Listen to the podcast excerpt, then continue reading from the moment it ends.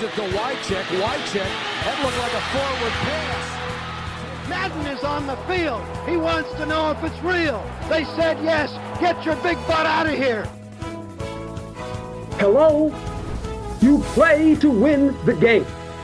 Hej och välkomna till eh, veckans NFL eh, med Mattias Olsson. Ingen Lasse Thorman den här veckan, fortfarande borta och reser i amerikanska södern. Så att eh, vi har tagit in lite extra hjälp idag och har med Olof Westman från NFL Supporter-redaktionen. Välkommen Olof! Tack så mycket, riktigt kul att vara med första gången. Ja, grymt. Podcastdebut i, i allmänhet. Du har inte kört någon podd överhuvudtaget fick jag, fick jag höra. Nej, precis. Det är, det är första gången. Alltså vi, efter lite ljud, eh, ljudstrul och så, så har vi lyckats eh, komma igång. Så eh, nu känns det bättre. Rätt sladda på rätt ställe och allt sånt där. Precis. Precis. Berätta lite om dig själv, ditt NFL-intresse. Jo, men det började väl så här, runt 2010 när man hade sett någon Super Bowl så där och tyckte att det såg jävligt spännande ut. Så, så började man följa och jag har ju alltid följt Philadelphia i hockey hockeyn eller det har varit lite där som har legat eh, ett litet intresse. Så tänkte jag, ja, men jag tittar väl på Philadelphia Eagles då och sen så fortsätter man och så skaffar man Game Pass och sen var man fast liksom. Det brukar gå den vägen.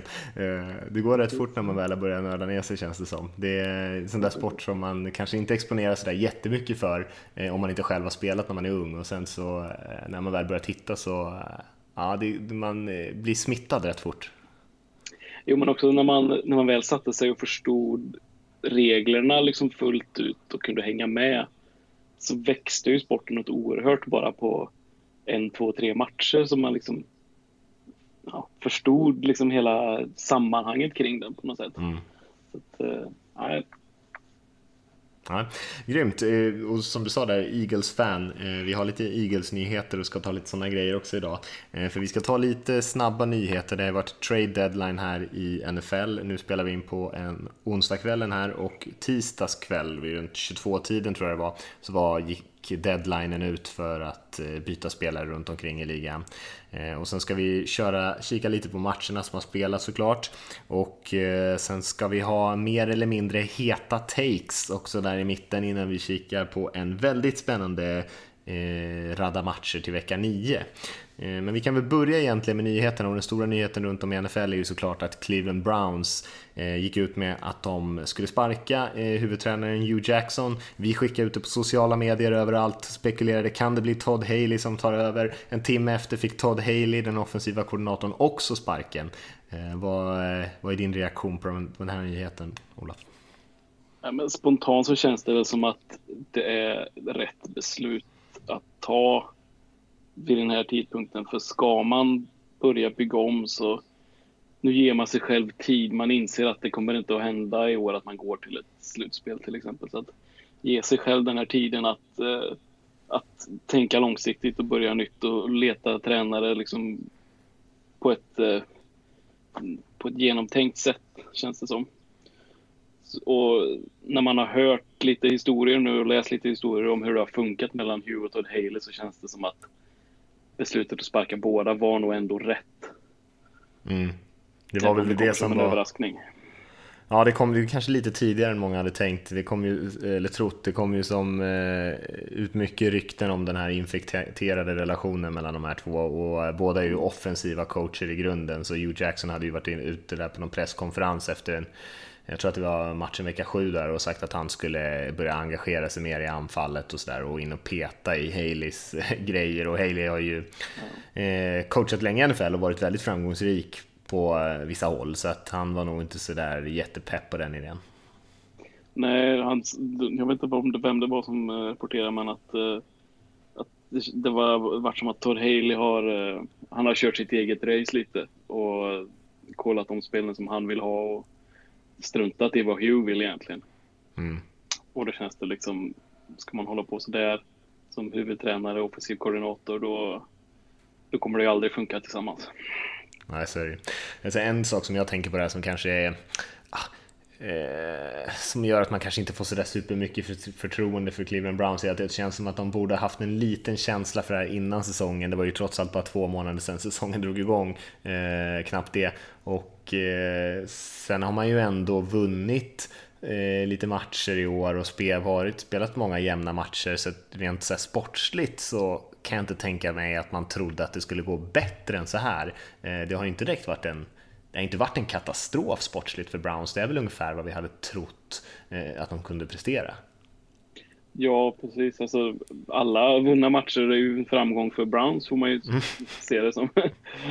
Eh, om man ska vara lite krass. Mm. Och det känns ju, man såg ju redan under Hard Knocks-tiden att det gnisslade lite mellan både Hugh Jackson och Todd Haley, men också eh, Greg Williams. Mm. Så det var inte, det kan ju inte komma som någon nyhet internt, kan jag tycka. Nej, nej det gör nog inte det. Ja, det finns väl en gräns för hur många matcher man får förlora innan man får kicken som tränare i NFL. Eh, ja. Vi får se vad de hittar på där. Det är ju som sagt, Baker Mayfield eh, kom ju ut eh, on fire och sen har han ju varit väldigt anonym som hela Browns anfall egentligen eh, de mm. senaste mm. veckorna är. Och det är väl också en stor anledning till att man faktiskt måste göra någonting för man ser ingen riktig utveckling där heller. Jag tänker mig om vi hoppar över till trade deadline där. Vi, eh, det är en sån där, ett sånt där datum som eh, hypas upp, alla pratar om det, det kommer spekulationer. Ska de här spelarna röra sig? Ska Jacksonville trada för en, en, en eh, big name QB någonstans? Och sen händer det inte sådär jättemycket ändå. Eh, vi fick några spelare som rörde på sig och Eh, kan dra dem, eh, de, de kanske största här lite fort och så kan vi hoppa tillbaka och stanna på dem som vi tycker är intressanta. Demarius Thomas, receivern i Broncos, gick till Texans. Eh, Golden Tate, eh, receivern i Lions, hamnade i ditt Eagles. Haha Clinton yes. Dix, safetyn från Packers, hamnade i Skins i Washington. Och sen Dante Fowler Jr, pass rushen eh, i Jaguars, eh, fick de faktiskt ganska bra betalt för av Rams. Så det var väl kanske de fyra som stod ut tyckte jag. Mm. Uh, jag tycker väl också att Ty Montgomery kan nämnas som går från Packers mm. till Ravens var det va? Mm, mm, um, en lite uh, sorglig historia får man väl ändå säga. Ja, han fick ingen bra avslutning kanske där på sin uh, Packers-karriär. Nej, och det känns ju lite som ett, alltså, det har ju pratats lite i, i bakgrunden om att hans kollegor i omklädningsrummet var ganska snea efter händelsen och att han även har fått motta vissa mordhot mm. från supportrar. Och med händelsen och det... menar du hans fumble här i, i senaste matchen som Precis. gjorde att de torskade? Men att, att det skulle då kunna ha legat i grunden för eh, den här eh, traden då. Ja. Men det ser ju väldigt dåligt ut från Packers sida. Det ser ut som ett riktigt tack, dra åt helvete för att du ja, ja, den här matchen liksom. Syndabocken ska ut. Ja, precis. Vad tycker du om Golden Tate då? Jag har alltid varit ett, jag vet att det finns, nu är inte Lasse med här idag, för annars hade vi fått höra en, en del, ett och annat om Golden Tate som han absolut inte mm. har mycket till övers för. Och han är ju en kaxig liten jävel, men han är ju, jag har alltid tyckt att han har varit bra, underskattad, snabb, kvick, svår, tacklad, säkra händer och alltid väldigt produktiv. Till Eagles mm. känns, som en, eh, känns som något som kanske kan kicka igång anfallet lite grann. Ja, jag tror ju att det här är lite en reaktion på att man kanske inte hittade en running back som man ville trada för. Och för att hjälpa offensiva linjen som man nu har råkat ut för ett par skador så väljer man istället att ta in eh, ja, Jack-kungen som vi kallar honom, yards after catch. Att man kan slänga en kort passning på Golden Tate och sen kan han ändå plocka upp en 5 eh, yards, 10 yards från, från det. Mm. Så att jag tror att det här kan vara en riktigt bra avvärmning för Eagles. Ehm, och förhoppningsvis så slipper man förlita sig så mycket som man har gjort på Zach Ertz och på Alshon Jeffrey i början här på säsongen. Mm. Du är inne på någonting med Jack, eh, det är lite så här, det finns ju några klyschor som alltid går runt i NFL, eh, liksom Staffords arm eller att eh, Fitzpatrick har gått på Harvard eller de där grejerna som nämns varje match om de här spelarna och just Golden Tate är väl en spelare som man alltid nämner att han, han har en running backs underkropp har jag hört säkert tio gånger om Golden Tate i olika matcher. Eh, och det ligger lite något i det, han är väldigt stark i underkroppen för annars är han ju inte så stor. Men på något sätt så lyckas han alltid hålla sig på benen. Ja. Det kändes ju spontant sett som att det var ganska dyrt att ge upp ett eh, val i tredje rundan för honom. Mm. Men när det har diskuterats lite så verkar det som att eh, Eagles räknar med att när, om man tappar honom nästa år, för han är free agent efter säsongen, att man då kommer att kunna få ett eh, eh, vad säger man, compensatorial pick Mm. nästa år. Alltså du får ett, bli kompenserad med ett pick i kanske tredje, fjärde rundan någonstans. Mm. Och då ser ju den här traden genast mycket bättre ut om man, om man får det. Men då kommer det picket först år 2020. Just det. Och sådana får man ju beroende på lönenivån på spelaren. Om man har tappat en spelare till Free Agency som var väldigt dyr. Precis, hur mycket han skriver sitt nästa kontrakt för. Precis. Och där kan han ju tänka sig att han får ett ganska hyfsat kontrakt om han kommer ut som Free Agent. Då måste han ju Ja, vara precis. toppnamnen där. Håller han sig bara hel, han är ju ändå 30 år kommen så att eh, kanske Mm. inte den hetaste på marknaden men ett hyfsat kontrakt ändå. Ja, ja visst. Ja, nej, men det kan nog vara intressant. De andra spelarna är ju kanske inte så där jättemycket att säga om. Clinton Dix har ju spelat bra i perioder, varit lite upp och ner. Demarius Thomas var ju en av ligans bättre receivers för några år sedan, men det känns som att han har tappat lite av sin explosivitet och Dante Fowler, en högt draftad pass rusher där eh, till Jaguar som aldrig riktigt då blommat ut. Eh, men Rams gör väl en chans nu. Där fick de ju som sagt bra betalt. Tror det var ett val i tredje plus ett val i sjunde eller något sånt där. Eh, Ja, om det till och med var uppe i femte. Var det det? Tredje och femte? Ja, jag är osäker. Ja, det är Men- hyfsat bra betalt ändå för en spelare som inte har producerat direkt. Nej, det tycker jag, men samtidigt, det, eh, han gick ju nummer tre, eh, nummer tre i den draften, så att eh, Mm. det får ju sägas att det är en, en, eh, en, ett stort misslyckande för Jaguars att släppa iväg honom. Ja, visst. Att eh, investera så mycket i en spelare och sen inte få ut speciellt mycket från honom. Nej, visst. Och Rams har ju kanske, det är väl kanske den där spelartypen de saknar. Vi får se om de får igång Fowler, men de bytte ju bort eh, Quinn och bland annat eh, sin snabba pass rusher för att få liksom kunna bulka upp lite på mitten med Sue och, och gänget. Och nu, de producerar ju ändå den där defensiva linjen, men eh, kanske hoppas att Fowler kan ge dem en ytterligare en dimension där. Men det är ju spännande. Jag tycker att Demarius Thomas tror, nog, tror jag nog kommer kunna lyckas ganska bra i Texans. Det känns, Mm. hade man hört det här för två år sedan så hade man ju tänkt att shit, nu är ju Texans eh, ligans bästa receiver core. Mhm. Men eh, det, det är frågan, vad, vad är hönan och vad är ägget när det gäller Demarius Thomas? Är det att han har tappat i kvalitet på, hos sin QB? Som de ju har eh, roterat friskt där i, i Denver. Eller är, det, eller är det han som har gått ner i, i kvalitet så att säga? Mm, svårt att säga. De eh, tappade ju Will Fuller till en eh, till ett korsbandsskada, receivern i Texas, snabba receivern. Så, men Thomas kanske får en annan, lite annan roll, men de har en intressant grupp där, för även DeAndre Hopkins, som är en av mina favoritspelare i och för sig i NFL, men han är ju inte heller känd som någon speedster direkt, utan det är ofta ganska tight coverage, så han eh, en bra route runner och, och vinner de här bollarna i luften, men, och det är lite samma sak Demarius Thomas där, han är ju ganska fysisk och så, men heller ingen riktig speed, så att eh, på något sätt måste de ju få in det Eh, och får se hur de, hur de löser det. Men han är, ju- han är ingen dålig spelare. Absolut inte. Eh, det, jag hade inte så mycket mer på trade deadlinen. Där. Hade du någon spelare som du vill lyfta fram eller ska vi hoppa vidare? Nej, jag tror vi kan hoppa vidare. Vi har tagit de största tycker jag. Ja, och eh, det enda vi ska tipsa om i slutet av det här svepet egentligen är väl att man ska kika in det andra avsnittet av vår dokumentärpodd, NFL Supporter Dokumentär, där Per Fogelin, maestron där, eh, ger oss en liten inblick i, i, eh, i Namath, Kubens liv, eh, Broadway Joe där, Joe Namath, eh, och den episoden i hans karriär där han försökte starta en nattklubb. Har du lyssnat på, på avsnittet, Olof? Ja, jag lyssnade på det igår. Alltså, det här är, det här är en måste-lyssning om, om något. Alltså. Det är inte, inte för att skryta för att det är vår egen grej, men att eh, Per har gjort ett eh, fantastiskt jobb. Så att, eh, in och lyssna genast efter eh, den här podden såklart. Verkligen.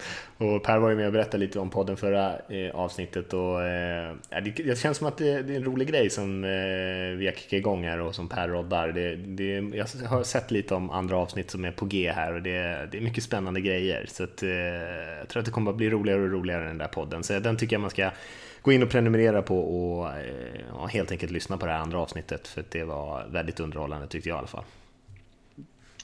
Eh, om vi ska hoppa lite till eh, veckan som spelade, de matcherna som spelades här i, i helgen som var. Eh, det var ju en del bra matcher, men det var inte riktigt lika jämnt som vi har sett de senaste veckorna. Särskilt inte 19 matcherna var inte den där samma spänningen där man satt på kunde slå på eh, Red Zone och bara liksom njuta av slutminuterna i varje match, utan det var lite mer utdraget och eh, kanske inte riktigt samma nerv. Jag vet inte vad du, vad du kände för, vad du fick för känsla av förra helgen? Nej, men jag kände när man satt där vid, vid eh, strax efter nio, närmar sig tio, där man tänker att nu ska liksom det här avgöras i alla matcher. Men det kändes nästan alla matcher var redan avgjorda då i, mm. fjärde korten. Så att, eh, inte riktigt samma. Det kanske har varit att de tidigare veckorna att det har varit väldigt tajt med matcherna. Det, ju, det har det. Det har ju varit väldigt mycket övertidsmatcher till exempel och det här var väl första veckan som det inte var någon övertidsmatch alls tror jag. Mm. Jag såg någon statistik om. Mm. Ja, det är ju helt sjukt egentligen. ja, verkligen. Ehm, men jag tittade en del på Broncos Chiefs som jag mm. tyckte ändå var en ganska underhållande match. Och eh, man får ju säga att Broncos står upp ganska bra mot det här Chiefs. Som ju gör jobbet offensivt match efter match efter match och det är mm. verkligen imponerande. Mm.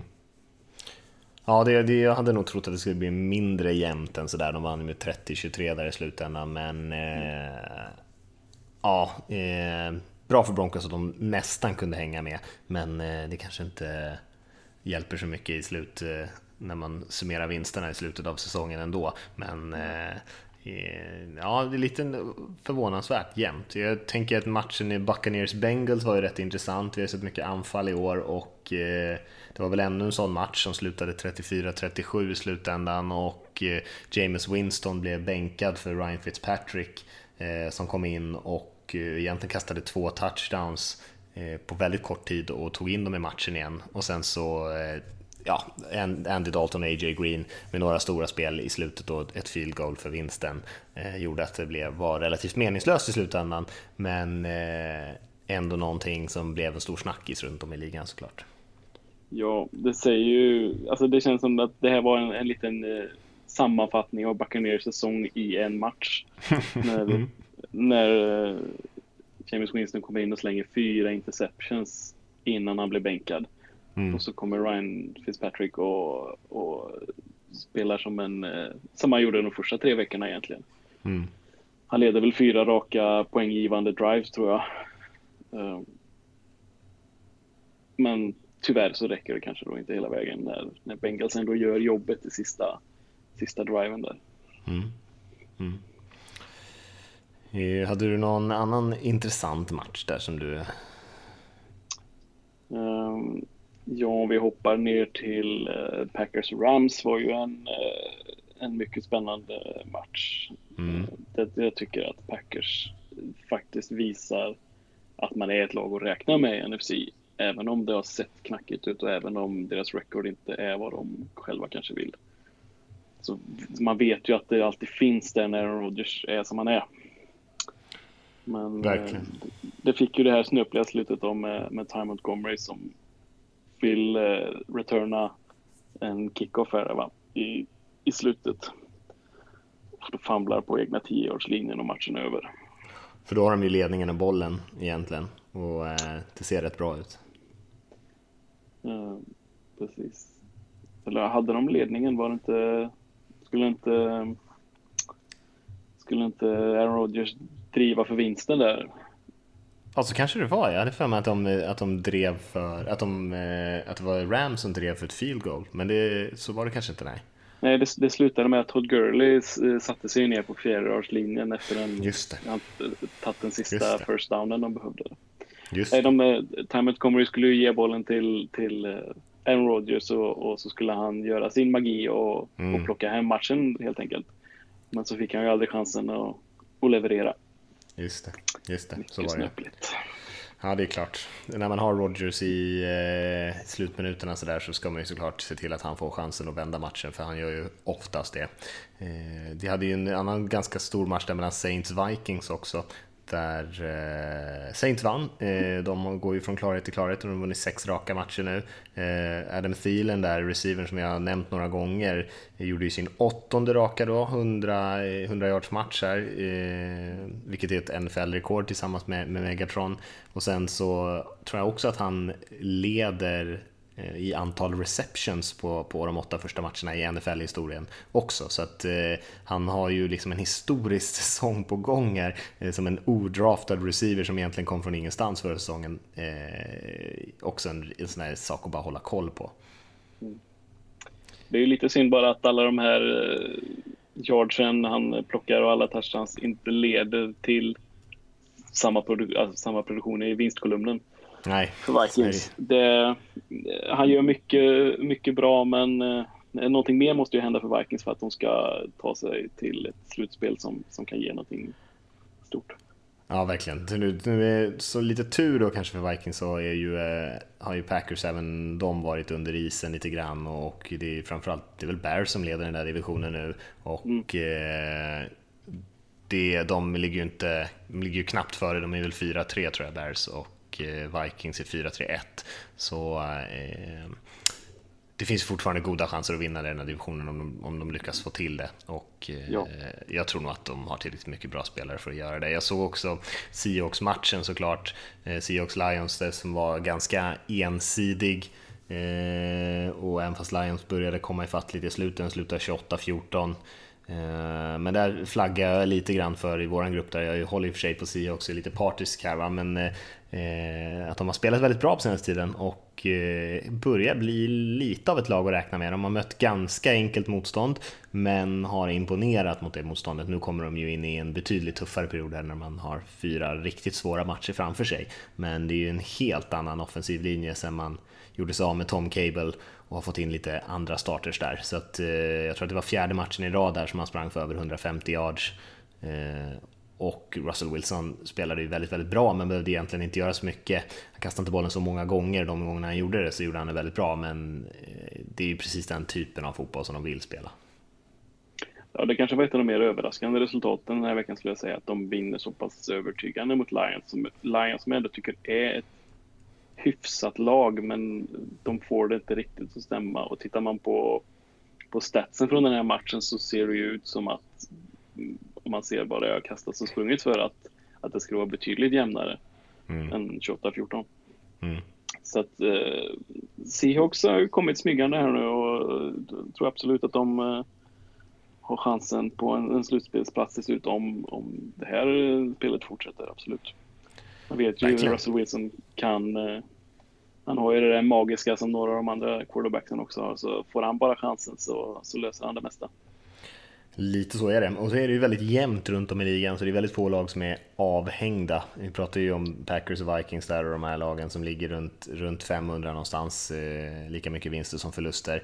Och eh, de är ju absolut inte liksom ute ur spelet. Jag tror att det, eh, den, den som ligger längst fram i NFC på, om vi ska snacka wildcard-platser, är ju i så fall södra divisionen där Panthers är 5-2, men annars är det ju 4-3, ligger man ju idag på, på wildcard-plats i NFC. Så det är ju inte så jättemånga lag som drar ifrån just för att det är så jämnt. Det, det är väl det vi har sagt nästan hela säsongen, att det, ligan känns jämnare än, än på mycket länge. Det, det är ju bara eh, Rams som har dratt ifrån ordentligt, känns det som. Mm. Eh, Saints också då, kanske. Men att inget lag riktigt faller ur ramen heller i botten. Mm. Nej, så är det. Eh, ska vi hoppa in på eh, vårt nästa lilla del av podden? Det tycker jag. Ja, då gör vi det. Och eh, då har vi sagt att vi ska köra lite hot takes, eh, brännande heta såklart. Eh, och lyfta lite saker som vi har tänkt på, fundera lite på och saker som vi tycker kanske är lite obekväma ibland att säga men som ändå måste sägas någon gång. Och jag vet inte, du kanske ska kicka igång oss Olof och, och bjussa på någon schysst take. Ja, är du beredd på en, på en riktig het nu då? Mm, nej, precis. Jag sitter ner och allting. ja, jag kör igång. Eh, försvarsspel. Vem behöver det? Ingen behöver det. Jag, har blivit någon, jag har blivit någonstans i redaktionen den som är, är gnällgubben när det är för mycket anfallsspel. Jag tycker att det, det ska vara lite mer balans i ligan. Det har varit väldigt jämna matcher, väldigt mycket poäng. Jag tror att det är rekord i både jämna matcher och poäng och touchdowns och allt möjligt eh, i år. Men eh, jag skulle gärna se lite mer försvarsspel, så att, ja, jag köper inte riktigt din hot take där. Nej, då ska du få höra. Nej, men eh, om vi ser eh, ligans fyra inom citattecken bästa försvar sett i antal insläppta poäng. Det är Cowboys, Titans, Seahawks och Ravens. Eh, mm. och de är just nu, eh, Cowboys är 3-4, Titans är 3-4, Seahawks är 4-3 och Ravens är 4-4. Mm. Eh, och det är ju ganska mediokra resultat sett till att de ändå är ligans fyra med lite marginal bästa lag sett till antalet insläppta poäng. Mm. Jämför man det med ligans bästa offensiver i Chiefs, Patriots, Rams och Saints, då är de 7-1, 6-2, 8-0 och 6-1. Mm. Det vill säga det är en ganska stor skillnad som väger över till eh, de som är riktigt bra på offens jämfört med de som är riktigt bra på defense. Då. Mm. Eh, så att eh, det här med försvarsspel, jag förstår inte riktigt var, varför lagen håller på med det. Satsa allt på offensiven och så har du ett, ett försvar som kan få till en turnover eller ett stopp i slutet på matchen så, så har man eh, lyckats bra tror jag. Ja, det är väl det där det snackas om, att försvarsspel i NFL har förändrats jäkligt mycket. Det är ju det så här, du behöver en liksom game changing pass rusher och sen liksom aggressiva eh, spelare i ditt secondary som kan fixa en turnover. Men egentligen är det ju att liksom kötta ut de här långa serierna och, eh, bara spela det tunga försvarsspelet, det, det, är liksom inte, det är inte, har inte effekt i dagens NFL. För de här, det går inte att stoppa de här Chiefs och Rams och de här hur länge som helst. De kommer göra 30-35 poäng hur bra mm. försvar du än har. Och ja, då måste du kunna göra lika mycket för annars torskar du vilket som. Precis. Det gäller väl att hitta det här försvaret som kan hitta ett stopp eller en turnover på precis rätt ställe vid rätt tidpunkt som, mm. Som gör att man vinner matchen. Titta bara på Super Bowl förra året när Philadelphia lyckas få till en, en turnover. Och det är den enda turnovern de har i matchen och, och det är det de vinner på i princip. Ja, ja visst. Ja, visst. Men å andra sidan så hade ju Eagles ett av de bättre försvaren i NFL förra säsongen va? Så äh, det, din, din teori där tog sig en liten, liten smäll där kanske. ja, det är möjligt. Jag, jag, tänkte, jag tänkte mer på underhållningsvärdet när jag protesterade där. För jag, jag tycker det är mer underhållande med fotboll som har lite mer balans. Alltså, det när det blir 80% konverterade tredje downs eller mer, då är, det liksom, då är det inte spännande längre ens på tredje down. Annars, eh, jag tycker att det ska vara lite nerv där. Det ska vara svårt att plocka upp den där tredje och sex. Annars är det liksom inget... annars blir det bara, man bara sitter och slötittar till slut. Ja, men handlar det om underhållning då, eller handlar det om, handlar det om att vinna? Underhållning, om man ska vinna håller jag med dig. Ja, om, om man ska vinna håller jag med dig, då är det nog kanske bättre att satsa på ett, ett starkt anfall. Eh, hörru du, jag har också en hot take här. Mm. Att det är dags att klassa hela QB-gruppen från 2015, från draften 2015, som en flopp. Jag pratar om eh, James Winston, Marcus Mariota och sen en massa andra spelare som draftades därefter om Bryce Petty och Trevor Simeon bland annat. Men framförallt är det ju Winston och Mariota som jag skulle säga till och med inför den här säsongen ansågs vara liksom franchise-spelare. Eh, men jag tycker inte de håller måttet. Winston blev ju bänkad nu så det blev ju lite av en eh, det blev väldigt tydligt, även till och med hans egen coachingstab tyckte honom. Men Mario Mariota, även han har varit en stor besvikelse de senaste ett, två åren. Ja, alltså sett till hypen som var när de två kom ut så de är väl på de senaste åren som man har pratat kanske allra mest om är de mm. tydligaste stjärnorna som skulle komma ut. Och de gick ett och två och ja, eh, de har ju inte levererat någon gång egentligen med, med att eh, Winston har haft något sådär tre, fyra matcher som han har varit på, på hög nivå. Men eh, jag tycker det, det, det, är svårt att se att de, att de har varit nummer ett och nummer två en draft. Det, det håller jag verkligen med om. Mm. Mm.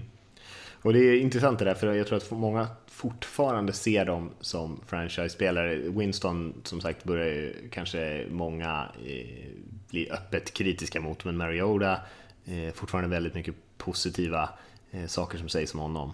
Väldigt lite negativt. Ja, han, han, är ju en, han verkar ju vara en bra kille utanför planen. Jag vet inte om, han, mm. om det är mycket där han klarar sig än.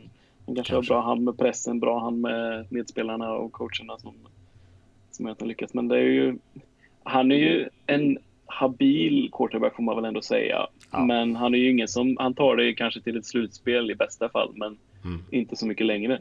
Och ska du vinna så, så behöver du någon som det finns lite mer fart, lite mer flärd i än, än Marcus Mariota.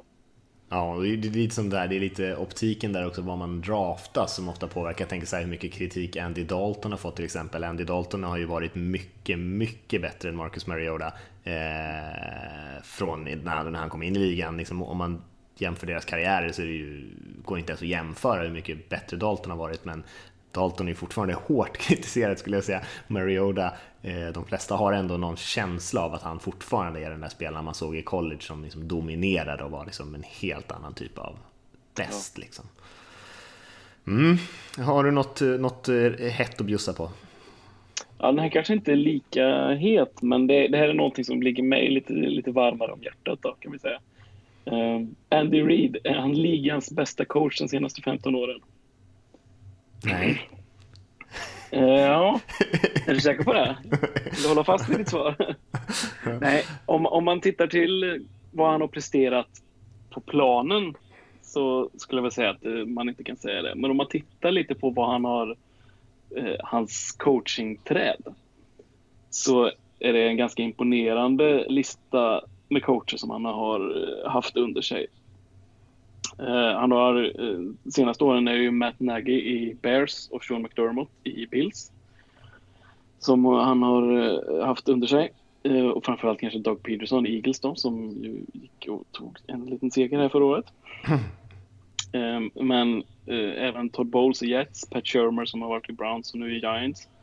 Ron Rivera i Panthers, Steve Spagnuolo som har varit i Rams och Giants. John Harbaugh som är i Ravens och Brad Childers som var en stund i Vikings. Mm. Det är en hyfsad lista. Ja, det är det ju helt klart. Alltså, han har ju på något sätt blivit lite kungen av det där eh, Eh, lite mer kreativa västkustgänget eh, som har spridit sina vingar runt om i, i, ligan. Så på det sättet håller jag med dig. Sen är det såklart att han, eh, och han har vunnit väldigt mycket matcher också, men han har ju inte haft de där ja, slutliga framgångarna. Men nu har han ju en annan typ av eh, spets på QB-positionen som han kanske har saknat. Eh, och kanske är det kanske är hans år i år. Han saknar ju prick, pricken över hit, det får man ju får man absolut igenom. Men eh, det är ju de här, man pratar ju mycket förr om de här stora QB-träden med, med de här legendariska coacherna som, som hade 20-30 coacher under sig som, som blev huvudtränare. Men mm. på senare tid så är liksom Andy Reid den enda som har stått ut i, det, i den skalan ja. skulle jag säga, som, som har de här coachingträdet egentligen. Just. Så, ta, ta, en som Bill Belichick, hur många av hans adepter är det som har lyckats någonstans? Det är Bill O'Brien som är varit okej okay i Texans hittills, får man väl säga. Ja, nej, det har inte kommit någonting från Bill Belichicks coachingträd egentligen under hela hans karriär. Det är ju eh, eh, ett gäng som har gått vidare och fått chansen, men ingen som riktigt har kunnat hålla fast vid ett jobb ens. Nu har det ju spridit ut sig lite grann med Patricia här och grejer, eh, mm. som vi får se lite grann hur det går för honom såklart. Men, eh, nej, men det håller jag med om. Det, det är väl är det Bill Walsh som har det här sjuka trädet som ja, nästan precis. sträcker sig över alla coacher i NFL, eller jag på att säga. Eh, för Andy Reid kommer väl under därifrån också ja, någonstans tror jag. Eh, för den är intressant när man tar, jag vet att jag har sett en sån bild någon gång när man liksom har gjort eh, alla coacher som har liksom kommit från under honom och sen spridit sig vidare. Så är det en enorm mängd eh, NFL-tränare. Det kanske är material för eh, dokumentärpodden här. Jag skulle nästan kunna vara det. Skulle nästan kunna vara det. Eh, Vi fick in här sista. Eh, mm. Två stycken att hålla ögonen på från, från Andy Reeds nuvarande coachingstab. Det är ju Eric Bieniemy som är offensiv koordinator och Dave Tobe som har uh, special teams där som det har pratats ganska mycket om tidigare år som en, en kandidat att gå från uh, till som, som head coach. Så att, två stycken att hålla ögonen på inför framtiden. Just det. Just det. Eh, nej, jag, har, jag har två stycken här. En som är, eh, ska jag säga, den är ganska snabb sådär. Jag kan ta den första. Eh, och den är inte sådär jättemycket att göra med amerikansk fotboll och NFL överhuvudtaget egentligen. Eh, men det är ändå något man som måste sägas tycker jag och det är att den brittiska nationalsången är skräp. Eh, och nu har vi sett tre London-matcher här. De var tvungna att genomlida den här Eh, dammiga smörjan som är den brittiska nationalsången eh, med liksom God save our gracious queen och, och allt vad det är och, och eh, det är ju liksom Brexit-nivå på progressiviteten i den textraden i den brittiska nationalsången. Jag tycker att det är, det måste bara sägas att det är liksom en förskräcklig nationalsång faktiskt. Alltså den har, den har ju, jag håller med om att den har något lite dammigt och pompöst över sig. Eh, det har den absolut. Så att, eh, vill du mygga av den så, så är jag med på den båten. jag tycker vi stryker den bara, ta bort den. Ja. Eh, ska jag köra en till nu eftersom den var lite snabb där? Eh, det var inte så mycket att diskutera kring den. Eh, kör du. Jag kör en till här. Eh, den är ganska het skulle jag säga. Eh, och det är dags för Broncos att kicka John Elway, NFLs sämsta general manager. Ja. Um, sämsta tycker jag att du... Det var lite väl kryddigt för min, för min smak. Men jag kryddigt. håller med om att han inte har, uh, han inte har lyckats på det sättet som man kanske trodde han skulle. Han tog ju in, uh, han tog in uh, Peyton Manning som var väl hans stora lyckokast kanske. Mm. Men sen dess så har han ju inte direkt rosat marknaden och nu den här senaste årens QB jidder får man väl ändå säga ger ju inte något större förtroende för honom. Så, eh, jag förstår din tanke. Mm. Nej, QB-grejen är ju mest uppenbara. Han har ju verkligen inte lyckats efter Manning där och han har ju både draftat och gått ut i free agency och allting och skulle säga att han har valt fel spelare varje gång. Han har haft andra möjligheter eh, och inte kunnat välja rätt spelare. Men jag tycker på det stora hela om man tittar på, på Broncos senaste fyra, fem drafts sådär, så är det väldigt, väldigt få kvalitetsspelare som, som Elway har valt. Knappt ens några startande spelare eh, på alla de åren. Eh, åtminstone inte som är eh, starter som, som har mycket, gör mycket skillnad i laget. Eh, så att även om man bortser från hela QB-debaclet som man verkligen har gjort ett dåligt jobb med så tycker jag att han har eh, Eh, missat rejält på många andra positioner också. Eh, nu har han ju fått in ett, ett, gäng duktiga spelare i år så det här ser ut att vara hans kanske bästa draft på länge. Eh, men då var jag, kände jag att då var jag tvungen att, att attackera honom nu innan det är för sent. Ja, jag, någonting som jag tänkte vi nämnt när vi pratade om Demarius Thomas är ju lite hur han ändå lämnar ut sin headcoach lite här genom att trada bort en av sina bättre spelare på offensiven där de har haft det svårt. Mm. Och nu hänger du ut honom genom att och, ja, ge bort den här spelaren då och ska stackars, eh, vad heter han? Vance Joseph tänker du på? Ja, precis. Ska han lösa det nu eh, när det har gått ganska knackigt för dem offensivt sett? Mm. Ja, och det är också... Han har ju, fått, han har ju fått väldigt mycket kritik, eh, HCn där, Vance Joseph. Och det är också en person som Elway har valt. Eh, och än så länge så är det ju väldigt oklart om han har valt rätt person. Det ser ju inte riktigt ut så. Så då har han i så fall, om han misslyckas där så skulle jag säga att han missat misslyckats på nästan alla delar av sitt, sitt jobb. Eh, mer eller mindre. Eh, men han, som sagt, eh, han kommer kanske aldrig få kicken just för att han är eh, nästan helgonförklarad i den där. Ska jag ta min eh, sista heta potatis? kör på, kör på. jag har också varit inne lite på det här med, med senaste årens eh, quarterbacks. Så, eh, årets QB-klass, alltså 2018, är sämre än 2011 som var ett riktigt bottenår. Oj, oj, oj. Mm. 2011 var ju eh, året när Cam Newton gick först och även om vi räknar bort honom så tycker jag att årets QB-klass ser sämre ut än, än 2011. Det var Blaine Gabbard, Jake Locker, Christian Ponder och även senare gick Andy Dalton och Colin Kaepernick i andra rundan. Mm, mm. Och jag tycker att årets quarterbacks det kanske är lite hårt att döma dem nu efter eh, åtta omgångar och de flesta av dem har inte spelat eh, mer än fyra, fem matcher kanske. Men det finns, det är inte någon av dem som riktigt har visat det där, liksom, eh, det där heta, det där eh, elektriska som man förväntar sig av en, av en topp quarterback som ändå går tidigt. Jag tycker att de ser väldigt valpiga ut och de ser väldigt eh, eh, ja, men tama ut. De har, hamnat, de har visserligen hamnat i ganska dåliga situationer, alla av dem, men jag, jag ser inte att det är någon som kommer att ta det här riktigt stora klivet och bli en, en topp quarterback av dem. Nej, intressant att du valde 2011 där ändå. Det är ju inte en dålig eh, QB-grupp där. Det är ju en ganska bra QB-draft får man ändå säga eftersom Dalton kom ut därifrån och som du säger Cam Newton. Båda de är ju väldigt produktiva starters och Kaepernick spelade ju Super Bowl och Eh, ja, det är ändå ett gäng där som fortfarande hänger runt om i ligan och ett par som spelar riktigt bra.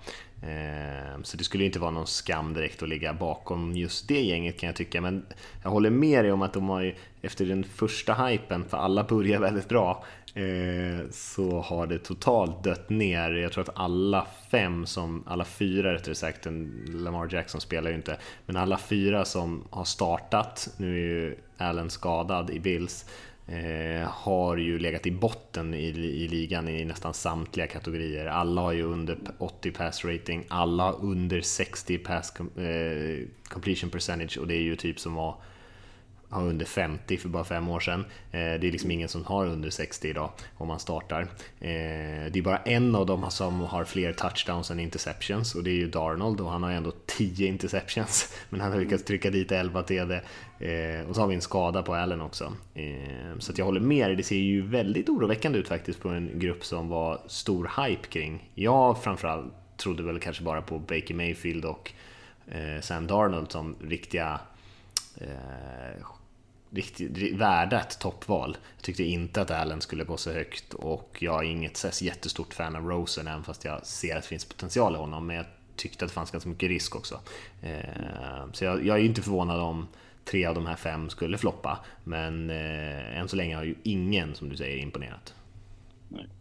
Nej, men jag, jag vill nästan jämföra dem lite med de här Blaine Gabbard, Jake Locker och Christian Ponderson när de kom ut som som pratade som, om ganska fina prospect men som ganska snabbt man insåg att de här kommer inte att ta det klivet som behövs för att etablera sig som en startande quarterback i ligan. Och, um, men samtidigt, som sagt, det, det är tidigt och jag, eh, jag, får väl ändå ge dem uh, en, en halv säsong till här innan jag, innan jag tar fram stora motorsågen. Men, vi, vi, såg ju till exempel hur både Wentz och Goff uh, lyckades bra i sitt uh, andra år med lite förändringar i, i coachingstaber och annat. Så att, eh, mycket kan ju hända, men hamnar man i en dålig situation, då får man väl ändå säga att Jets, Browns, Bills och Cardinals är, är ganska dåliga situationer. Så, ja, minst sagt. Ja. så är det ju svårt för en ung quarterback att komma in och vända på steken på egen hand.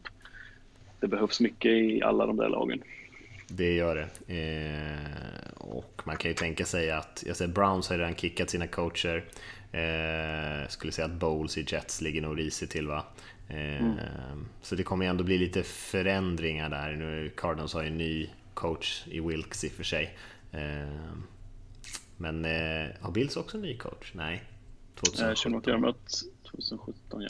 Ja, precis. Så, så han blir väl kvar också. Men eh, det är, ja, visst, visst är det lite oroväckande att de har tappat lite här. Eh, får hoppas ja. att de lyckas vända lite på det. Det är ändå många som eh, lägger sitt hopp till de här unga spelarna, men eh, inga bra förutsättningar. Om de visar någonting i någon enstaka match så kan man ju ändå ha någon, någon slags förhoppning, men eh, hittills har vi inte sett ens, ens det lilla nästan. Nej, nej, nej, jag håller med dig. Jag håller med dig. Rosen ja. snackas det ju ingenting om, men det är ju ingen som, eh, ingen som kollar på Cardinals matcher känns det som. Nej. Eh, personligen vet jag inte om jag har sett, jag vet inte om jag har sett någon faktiskt. Och jag brukar ändå säga 6-7 matcher per vecka ibland, men jag har inte sett någon Cardinals match tror jag i helhet. Eh, och det är ju katastrof egentligen. Jag kanske ska kolla på dem den här veckan. Så har de säkert bye week eller något bara för det. Eh, bara för att kolla in Rosen lite grann. Det skulle ändå vara intressant. Jo, jag såg dem när de mötte Sia också klart. Eh, jag tyckte ändå att Rosen spelade okej, okay, fast siffrorna var dåliga. Mm. Men eh, ja, Ja, vi får följa dem där, det där gänget. Det är ingen självklarhet att man blir bra bara för att man draftas i första rundan. Absolut Nej. inte. Det är max 50% chans skulle jag säga att, att de här spelarna mm. blir bra. Är, vi, vi, har ju en liten tendens där att överskatta draftval. Det är ingen riktig hot takes där kanske, men eh, man tar så mycket för givet ibland att, eh, att eh, ett draftval är värt någonting när man får det bytt till sig. Men de allra flesta draftvalen, de går ju inte sådär jättebra. I första rundan är det ju ganska hög träffprocent på de där, men det är väldigt få som blir stjärnor. Eh, jag hörde någon diskussion om, om Raiders alla draftval till exempel. Men jag skulle nog kunna tänka mig att de, de har ju fem draftval i första rundan här, 19-20 tror jag. Eh, och jag skulle nog nästan kunna sätta, jag skulle nog vilja sätta pengar på att de, de kommer inte hitta någon Khalil Mack med alla de fem valen. Eh, Däremot kan de hitta duktiga spelare, men inte av den kalibern är ju väldigt svårt att hitta faktiskt. Det är väldigt svårt att hitta. Det var ju någon som i samband med, med Golden Tate-traden tror jag som skrev att ett, ett val i tredje rundan där, där du, alltså snittutgången av det är en special teams starter i fyra år. Mm. Där man får ut, så jag menar ett, ett val i tredje rundan känns kanske dyrt, men i verkligheten om du får en spelare som du vet kan producera i NFL som är duktig så, så måste ju det vara värt mer tycker jag egentligen. Ja, det är ju det. det är, eh, särskilt nu när det finns så mycket pengar i NFL. Nu är vi inne på, nu har vi hamnat lite utanför vägen här, men det, det är, eftersom eh, lönetaket har stigit så mycket de senaste åren så har det ju funnits ganska mycket pengar i omlopp. Lagen har haft ganska mycket yt, utrymme under lönetaket och sådär. Eh, så att man har ju kunnat betala spelare i Free Agency, kunna satsa på etablerade veteraner på ett annat sätt än vad man kanske kunde ha gjort tidigare när det var lite tajtare med stålar. Så då blir det ju ännu mer riskfullt att satsa på de här, eller att bara satsa på att ta in egna spelare eh, och försöka mm. utveckla dem. För som du säger, det, det finns ju procentsatser på det där hur många som faktiskt blir starters och hur många av dem som faktiskt blir riktigt, riktigt bra starters sen av liksom Pro Bowl kapacitet. Det är ju en väldigt liten andel. Eh, nu har vi snackat i cirklar här om något helt annat än vad vi skulle. Har du, ska vi lämna våra hot takes där eller hade vi någon, eh, någon mer? Nej, jag tror det är bra. Vi kanske ska kika på nästa veckas matcher, eller vad säger du? Ja, jag tycker det. Jag tycker vi har ett gäng riktigt, riktigt bra matcher den här veckan, eh, eh, vilket känns kul. Och mm. har du någon som du har som favorit där som du tycker vi ska ta och dyka in i? Ja, eh, det är svårt att inte säga Sunday Night Football mellan Packers och Patriots. Mm. Det känns ju som en... Eh, Rogers Brady. Rogers mot Brady. Det, inget av lagen har ju varit... Alltså det är klart Patriots imponerar på sitt, sitt sedvanliga sätt. Men om man ser till hur de kanske brukar se ut så har de inte riktigt exploderat på samma sätt. Um, och jag tycker ju att Packers har absolut potential. Så jag tror att det här kommer bli en riktig smällkaramell. Alltså. Mm. Jag håller med dig. Eh, Packers, båda de här försvaren har ju också i perioder spelat ganska bra. Packers försvar har ju eh, faktiskt imponerat eh, i vissa matcher och sen vissa matcher som inte alls sett bra ut och samma sak med Patriots eh, som stängde ner Bills här nyss, deras springspel helt utan problem och Bills är ju inte någon eh, bulldozer kanske i anfallsspelet, men eh, det är ju ändå ett NFL-lag liksom som borde kunna flytta bollen lite hyfsat.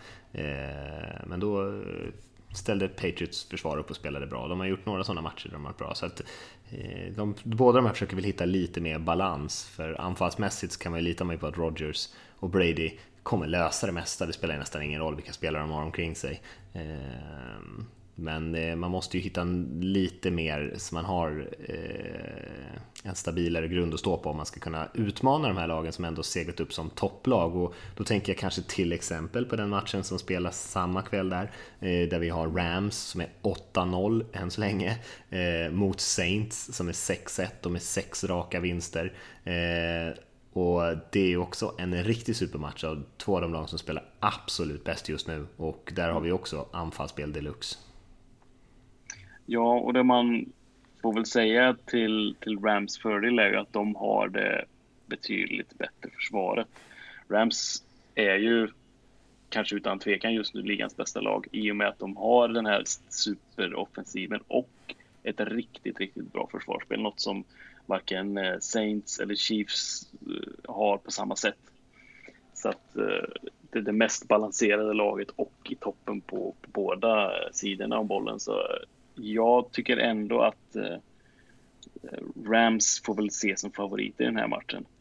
Sen så vet man ju att eh, Saints med i slutet av matchen så då är de alltid farliga och Drew Brees vet hur man vinner matcher i slutet. Eh, så att eh, kan de hänga i fram till fjärde kvarten så, så är den vidöppen såklart. Mm.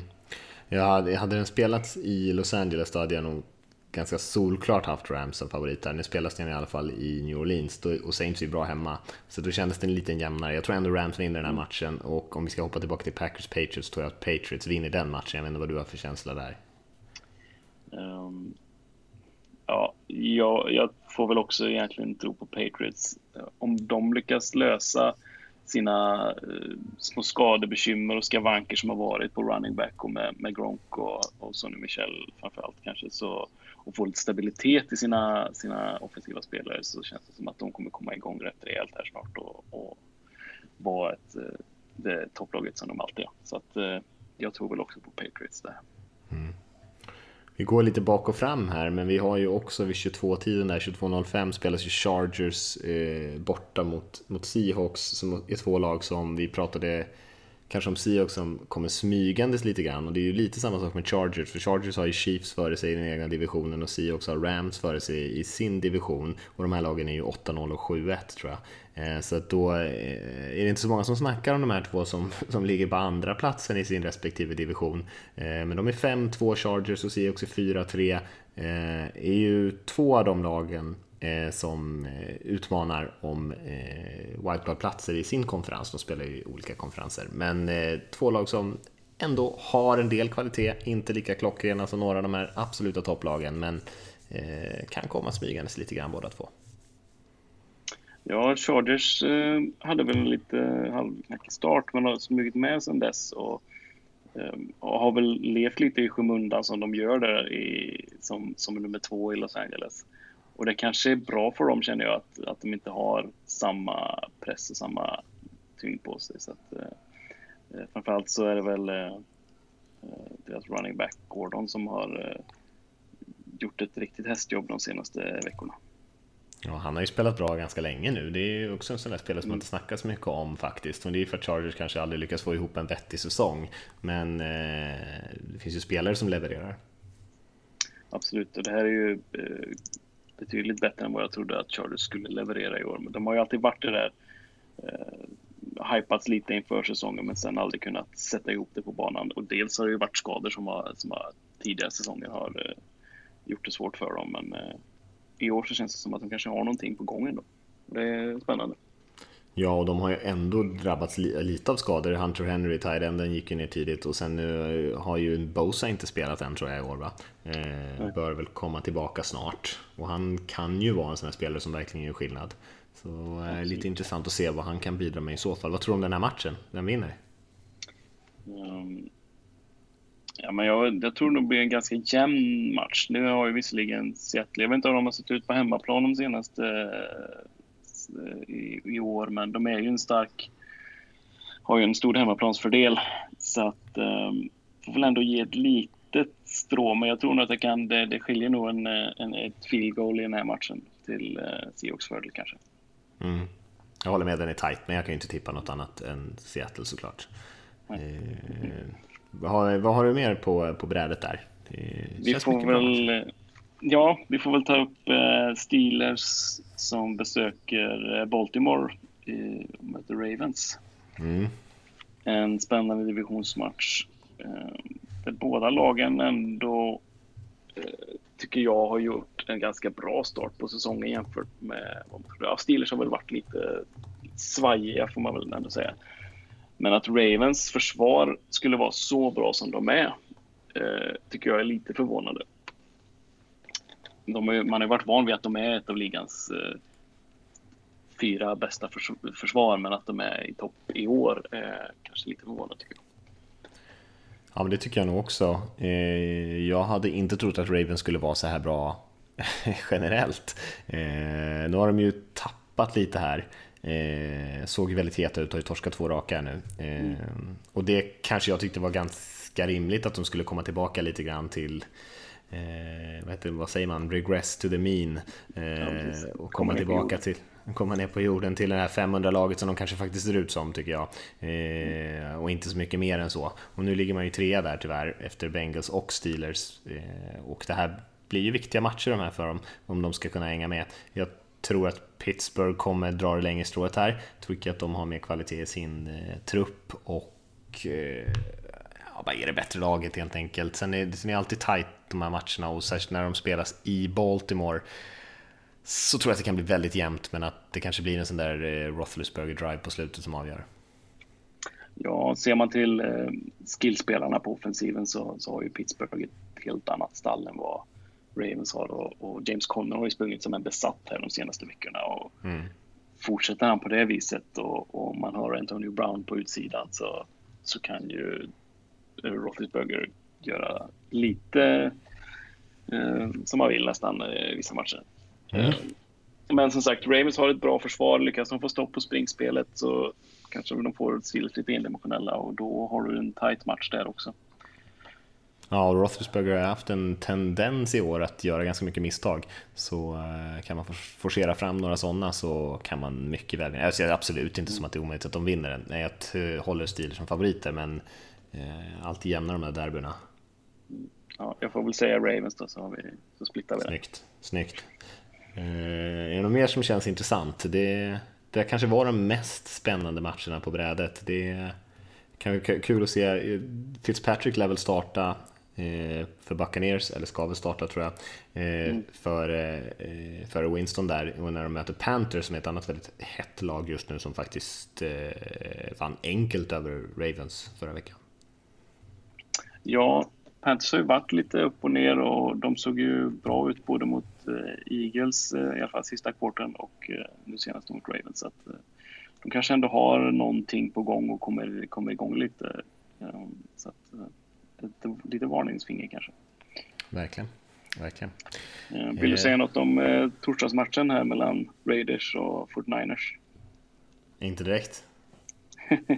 jo, det jag kände också att Gå och lägg er. soppan. Ja, men är det något av lagen som vill vinna? Jag vet att Gruden har varit ute och pratat om att vi såklart ska vinna alla matcher, men eh, det känns som en, en, en sorgsam tillställning här på torsdagskvällen. Ja, jo, verkligen, verkligen, verkligen. Och det är lite synd för att Derek Carr spelade bra senast, har spelat väldigt bra i perioder, eh, ändå blivit lite kritiserad, men eh, kanske inte hans fel att de förlorar alla gånger, han gör ju ibland lite misstag han också, men eh, de håller ju på verkligen Eh, river det där huset för att totalt bygga om känns det som eh, i, i Oakland. Och 49ers är ju, ja, truppen var inte tillräckligt stark för att kunna utmana ordentligt i år, men det är ju jäkligt synd på Garoppolo att man hamnar i den här sitsen och sen, sen dess har de ju torskat sex raka tror jag. Så eh, även fast Bethard spelar så bra som han kan spela eh, så räcker det inte. Så förhoppningsvis så, eh, så, lyckas man bygga upp en ordentlig trupp nu, att några unga spelare tar steget så att man kan vara med och utmana nästa år när Garoppolo är tillbaka. Eh, för annars känns det som att man kastar bort Shanahan och hans fantastiska offensiva idéer i, det där laget. Mm. Ehm, det verkade väl också som att Fortnite skulle starta sin tredje quarterback den här matchen. Um, så tar, du, tar du namnet på honom? Vem är tredje quarterback i 49ers? Eh, är det någon man vet vem det är? Eh, nej, det skulle jag inte tro. Jag tror att det är Nick Mullens som kommer att starta. Nej, det hade jag inte tagit. Bakom där har vi dock Tom Savage som kanske blir aktuella också. Jaha, hur många QBs har de egentligen? Det är inte så ja, just nu, tre som är aktiva då när Garoppolo är på. Nej, und undvik den, kan vi göra med gott samvete. Ja, det kan vi nog göra. Är kul för det laget som lyckas vinna, för det är väl eh, kanske den enda matchen som de kommer vinna på länge. Eh, ja. Så det kan ju vara kul för fansen. Ja. Eh, men vi kanske ska runda av där faktiskt, för nu börjar vi komma upp här lite i några minuter. Mm. Men spännande vecka med matcher, mycket Eh, mycket stormatcher att se fram emot. Vi vill återigen påminna och ratta in vår våran dokumentärpodd eh, och lyssna på en liten story om Namath där. Och så vill jag tacka dig Olof för att du var med idag och täckte upp i Lasses frånvaro. Inte så stora skor att fylla, men jag tycker du gjorde ett hyfsat jobb ändå. Ja, men det, det kändes bra när man kommer in där efter en stund. Så att, eh, det var ju tur att vi, vi fyllde Göteborgskvoten här den här veckan. Igen, det, är, att, eh, det är mycket västkust i den här eh, podden ja. överhuvudtaget. Med Per som var med förra veckan, det är oroväckande. Men så är det ibland kanske. Ja. Nej men grymt att du kunde vara med. Riktigt kul att vara med. Det blir fler gånger i framtiden. Ja, det hoppas vi. Eh, och alla ni där ute, tack för att ni har lyssnat. Vi får se lite grann hur det blir nästa vecka, för då är faktiskt jag bortrest, så kanske eh, så blir det en helt eh, annan ny konstellation där. Eh, eller så blir det kanske till och med lite uppehåll. Vi får väl se hur vi, hur vi löser det. Men eh, ni får hålla ögonen öppna, så, eh, så får ni njuta av matcherna i helgen så, eh, så hörs vi när vi hörs, om inte allt för eh, lång tid i alla fall. Det kan jag garantera. Så ha det bra allihop.